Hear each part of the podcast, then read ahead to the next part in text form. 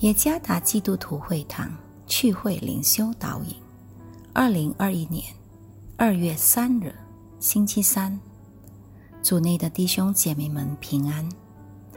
今天的灵修导引，我们将会借着圣经《约翰福音》十八章三十六和三十七节来思想今天的主题：成为天国的子民。作者。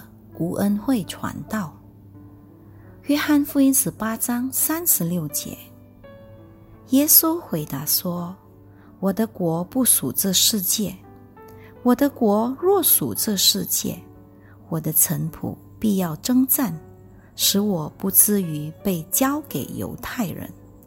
只是我的国不属这世界。”比拉多就对他说：“这样，你是王吗？”耶稣回答说：“你说我是王，我为此而生，也为此来到世间，特为给真理做见证。凡属真理的人，就听我的话。”有这么一句民间谚语说：“掉落下来的果汁是不会离母树很远的。假如那棵树是好品种的话。”那它所结出来的果汁也必定是好的，但是如果结出来的果汁却与母树不相称，那么果子是否有在真正模仿母树，或是有其他的原因呢？同样的，基督的跟随者也应当有耶稣基督自己的形象。耶稣在约翰福音十八章三十六节启发了比拉多。他说：“他的国不属于这充满虚假的世界，他特为真理而来到世间。凡信他的，必不知灭亡。”比拉多反反复复不断的质问着耶稣，显示比拉多其实是知道耶稣就是真理。但是他却想借着一个又一个的问题来否认他。约翰福音十八章三十七节解释得很清楚：耶稣是为着什么来到世间的，和怎么样的人才有资格成为天国的子民。唯有听从耶稣的人，才能有资格成为天国的子民。